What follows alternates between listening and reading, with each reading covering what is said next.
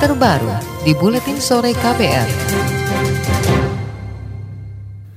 Masifnya penyebaran hoaks atau kabar bohong sejak kontestasi pemilu digelar mulai meresahkan. Kabar bohong menyasar berbagai pihak mulai KPU, pasangan calon presiden dan wakil presiden hingga partai politik. Pelaksana tugas Kepala Biro Humas Kementerian Komunikasi dan Informatika Kominfo, Ferdinando Setu mencatat ada 300 lebih kabar bohong selama kontestasi Pilpres digelar. Sementara jika dihitung sejak Agustus 2018 hingga Maret 2019, jumlah kabar bohong mencapai 1.200 lebih. Kabar bohong tersebut disebar melalui banyak platform seperti Facebook, Twitter, Instagram maupun WhatsApp. Bentuknya pun beragam, mulai dari teks, video maupun gambar. Kami bukan hanya tegur lagi kepada akun-akun yang sering itu langsung disuspend, langsung diblokir, uh, akunnya tidak bisa dipakai lagi Uh, kemudian seluruh uh, bukan uh, termasuk kontennya otomatis kami blokir.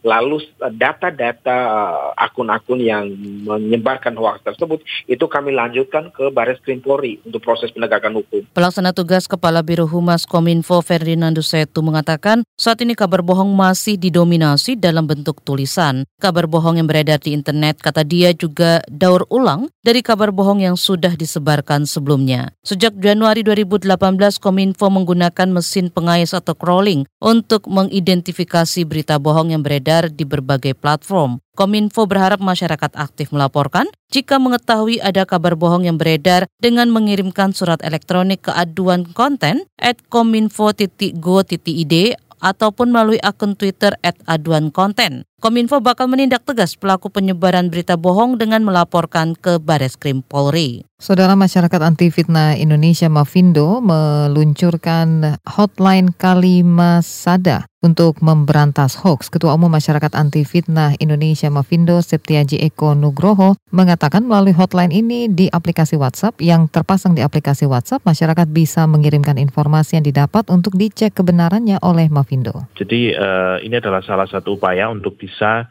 setidaknya upaya satu sisi ya karena sisi yang lain kan kita butuh mendorong gerakan edukasi bagaimana orang ber-WA dengan baik gitu ya. Tetapi di satu sisi kita ingin ngasih tahu ke orang ini loh, ada satu cara kalau pengen ngecek informasinya itu benar atau tidak, kirim ke nomor ini gitu. Ketua Umum Mafindo Septiaji Eko Nugroho mengatakan Kalimasada akan secara otomatis menganalisa informasi yang dikirimkan masyarakat dan menjawab apakah informasi tersebut hoax atau tidak. Selain Kalimasada, Mafindo juga membentuk grup siaga pemilu yang akan memantau isu pemilu dengan relawan yang tersebar di banyak kota untuk memonitor penyebaran berita-berita bohong atau hoax khususnya mengenai pemilu. Meski begitu, Ketua Presidium Mafindo Septiaji Eko Eko Nugroho mengatakan, upaya-upaya tersebut tidak lepas dari peran masyarakat untuk ikut melakukan upaya penjernihan informasi dan tidak menyebarkan berita yang belum jelas kebenarannya. Masyarakat juga bisa mengecek informasi yang diterima di beberapa situs anti-hoax seperti cekfakta.com, turnbackhoax.id, dan stophoax.id.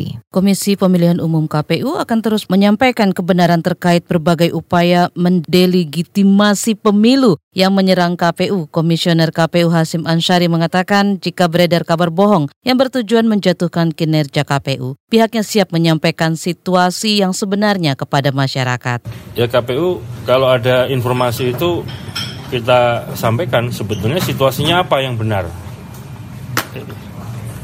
Itu aja, Mas. Sebelumnya, KPU melaporkan tiga akun media sosial ke Bares Krim Polri. Pasca beredar video hoax bahwa KPU memiliki server di luar negeri dan server tersebut telah disetting untuk memenangkan salah satu pasangan calon pada Pilpres 2019.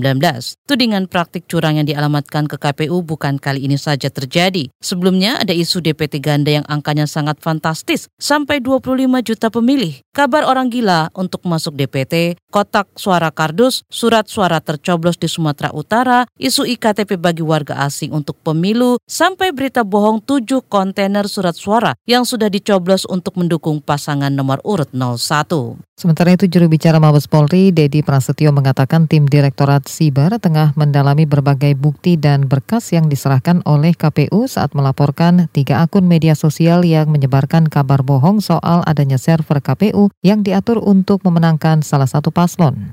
Untuk hasil laporan dari Komisioner KPU, kemarin KPU sudah membawa beberapa bukti dan dokumen.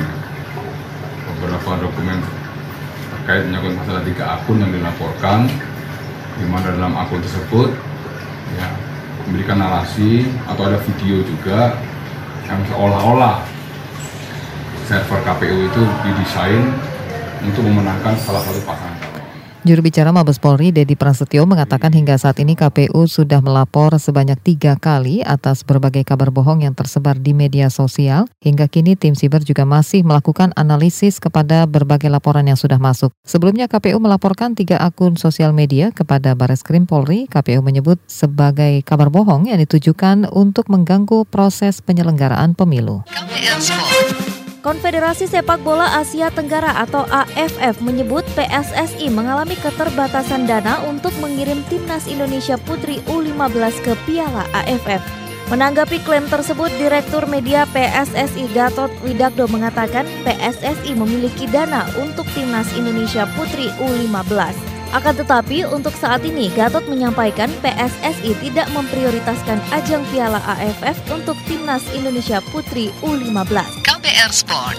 Pebalap Monster Energy Yamaha Valentino Rossi mematahkan rekor 42 tahun di level elit kejuaraan dunia balap motor usai meraih podium kedua MotoGP Argentina akhir pekan lalu. Di MotoGP Argentina yang digelar di sirkuit Termas de Rio Hondo minggu lalu, Rossi finish di urutan kedua tepat di belakang Mark Marquez. Hasil itu menjadi podium pertama Rossi setelah 10 balapan usai MotoGP Jerman 2018 silam.